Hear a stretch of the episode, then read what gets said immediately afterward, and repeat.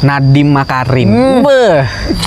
Hebat dong. Bikin Gojek hebat dong. dong. Hebat dong. lulusan Harvard Lulusan Harvard.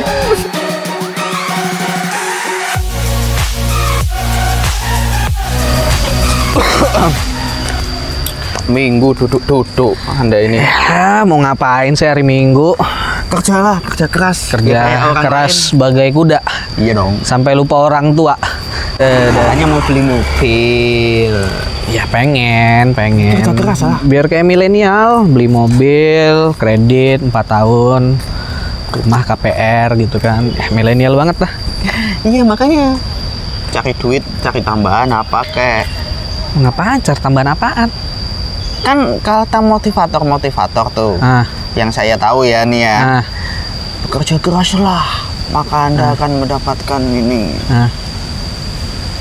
dunia anda bisa beli apa pun Itulah kegoblokan orang-orang nonton motivator. Itu. Iya dong. Kalau motivator itu pin maksudnya bisa menjalankan apa yang diomongin, dia udah jadi pengusaha sekaya Hairul Tanjung mungkin. Berarti itu motivator tuh sebenarnya juga budak kapitalis buat nyuntikin motivasi ke pekerja-pekerja ini biar kerja keras terus gitu iya, ya. kan motivator tuh jualan seminar, jualan buku. Tujuh cara menjadi kaya raya gitu. Emang dia sekaya apa?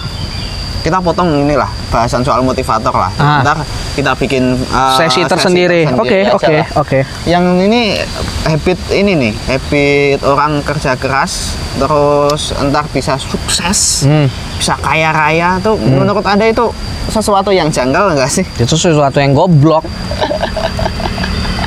Iya iyalah. Dari mana ceritanya kerja keras bisa jadi kaya?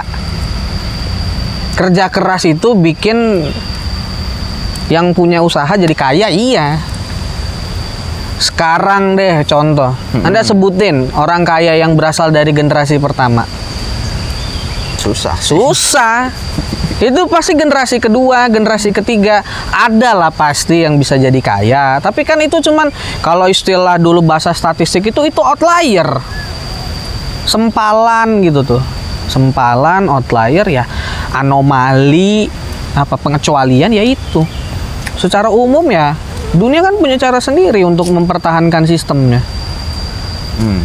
Name it lah semua siapa yang berasal dari yang kerja keras jadi kaya Yang juga kayaknya nggak percaya tuh kayak kalau Tanjung itu generasi pertama. ya iya dong dari mana ceritanya anda tahu bukunya dong Iya. si anak singkong nah kan sekarang dari dia itu yang aing tahu ya dari bukunya itu dia dokter gigi kalau nggak salah Iya. terus dia bikin usaha sepatu Intinya di kampus dulu. Iya, lah. bikin usaha apa gitu. Dari mana tiba-tiba pengusaha kayak gitu dapat uang untuk beli yang sekarang jadi Bank Mega? Dari mana ceritanya? Maaf Pak Erul Tanjung, Dengan segala hormat. dengan ya. segala hormat Pak. Kami ngefans anak anda. Kami cinta Putri Tanjung. Saya ngefans Gopar Hilman kok. Iya nggak ada masalah dia dapat duit dari mana beli itu kan kita nggak pernah tahu dan nggak pernah dimention kan. Nah, itu siapa? Abu Rizal Bakri. Oh, Abu Rizal Wah. Bakri pernah bi- bilang gini kalau nggak salah. Kakek saya aja cuman tamatan SD kata dia. Tapi bisa sukses. itu saat di mana kakek kita Itu di mana saat kakek kita kayaknya itu masih ngapain ya? kelas 3 apa bisa sekolah aja udah, Udah syukur. ini terpandang itu di desanya. Ya bayangin lah. Sekarang Abu Rizal Bakri udah umur berapa? Bapaknya dia umur berapa? Kakeknya tuh umur berapa gitu? Pada saat itu yang bisa sekolah SD itu siapa? Orang tuh paling masih sibuk nyadap karet itu. Nemit, siapa lagi? SBY. keturunan orang-orang keturunan SBY. Kenapa SBY? Ya iyalah SBY emang bisa jadi jenderal karena siapa? ya kan nomor Maaf Pak SBY. ya iya dong. Terus siapa pengusaha kaya di Indonesia? Oh, yang paling baru. Nadim Makarim. Beh. Hebat dong. Bikin Gojek hebat dong. Iya dong. Hebat dong. lulusan Harvard Lulusan Harvard. Anda tahu kakeknya siapa? Cek di Google. Iya, dia tuh generasi keberapa? Itu tokoh nasional juga kan iya, itu. bapaknya. Bapaknya punya firma hukum di mana Iya. Hotman Paris yang sekarang itu hambur-hamburin itu pernah kerja. Berarti kekayaan bapaknya itu lebih Tuh. settle. Anda harus baca itu Ned- Nad- apa Makarim Family itu. Siapa lagi sekarang? Sandiaga Uno. Bangsawan, Bangsawan. Gorontalo itu darah Sa- birunya. Sandiaga Uno kayaknya teman banget sama Erick Thohir. Erick Thohir Anda harus cari di Google siapa keluarganya ya. Jadi udahlah yang Nanti kayak dari gitu. bocah pun mereka udah DNA-nya DNA-nya tuh udah DNA kaya. Iniin diarahin untuk jadi DNA. Ya, jadi saya pernah baca waktu itu suatu penelitian. Dia bilang gini, umur 0 sampai 7 tahun anak itu kan belum di eh, apa namanya belum di gelombang beta lah di, di kesadarannya lah. Tapi masih di eh, bawah sadar. Nah pada saat 0 sampai 7 tahun ini otak manusia itu diprogram mau menjadi apa. Makanya banyak yang orang kaya berasal dari keluarga orang kaya ya dari kecil memang dia sudah diprogram untuk menjadi sukses dan menjadi kaya gitu dan ada satu penelitian juga kan anak-anak dari keluarga orang kaya itu punya pendapatan yang jauh lebih tinggi daripada Mm-mm. Penelitiannya memang apa pendapatan apa anak-anak yang lahir dari keluarga kaya kaya 10% pendapatannya pada usia yang sama lebih tinggi. daripada orang pada umumnya. Iya dong. Itu common lah kayak gitu. Jadi jangan ah gimana ya jangan dibuai sama media yang Barusan kan kita ngomongin Pak SBY kok tiba-tiba banyak tentara. ya kita juga harus hati-hati sini. Mungkin sniper ada di kiri Kan kanan gitu kan. Iyalah. Sri oh sorry Susi Pujastuti itu pernah bilang gini loh. Saya jadi menteri tamatan SD. Mm-mm. Tamatan SMP dia, tamatan SD atau SMP, tamatan Ya, SMP. dia SMA putus lah. Ya, Putus. berarti tamatan SMP sekolah kan. kan. Yang bisa jadi menteri kayak dia, dia bilang sendiri kok. Yang bisa kayak saya itu mungkin cuman dia seorang cuman dia kayaknya. seorang gitu. Cara untuk bisa ke sana paling gampang ya belajar sekolah, pendidikan, tentara lagi. ya agak ngeri juga nih. Waduh, kalau kita ditembak bubar nih. Iya ini. Ya nggak Kan apa-apa nggak lah. Kalau saya ditembak ya saya jadi biji tukul lah.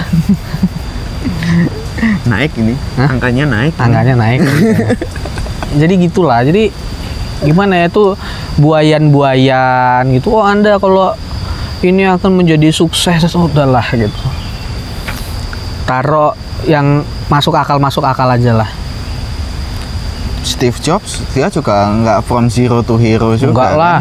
Kita harus menggugat itu from zero to hero. Gitu. itu harus digugat itu saya pernah baca mungkin anda pernah baca bukunya Malcolm Gladwell juga Outlier kalau nggak salah Itu an- saya yang nyaranin ke Anda. oh iya maaf Eh, Ding, saya kan ini. Jadi di buku itu pernah dibahas eh, ada beberapa tokoh sih yang dibahas, tapi salah satunya Bill Gates. Oke. Kita yang tahu kan Bill Gates dibilang selalu tuh di mana-mana eh, DO dari kuliah itu akan jadi Bill Gates, DO dari kuliah akan jadi pengusaha sukses. Hello, Anda DO kuliahnya di mana? Anda DO kuliah di BSI, Anda udahlah. Bill Gates itu DO kuliah di Harvard. Masalahnya waktu SMA dia itu dapat tanda kutip privilege. Hmm. Kota dia dan SMA-nya dia itu itu ada satu-satunya komputer di dunia pada saat itu ya itu. Sekolah berasraman. Sekolah iya. Circle-circle-nya orang kaya dia DO pun dia masih punya teman-teman circle orang kaya dan orang pinter kan, Iya. dari Harvard. Jadi Anda kalau Anda tamatan oh, itu asal yang saya ya sekolah tinggi apa gitu ya. Anda DO berharap jadi Bill Gates ya Anda konyol. konyol lah itu. Lupakan gitu. Jangan goblok-goblok banget lah.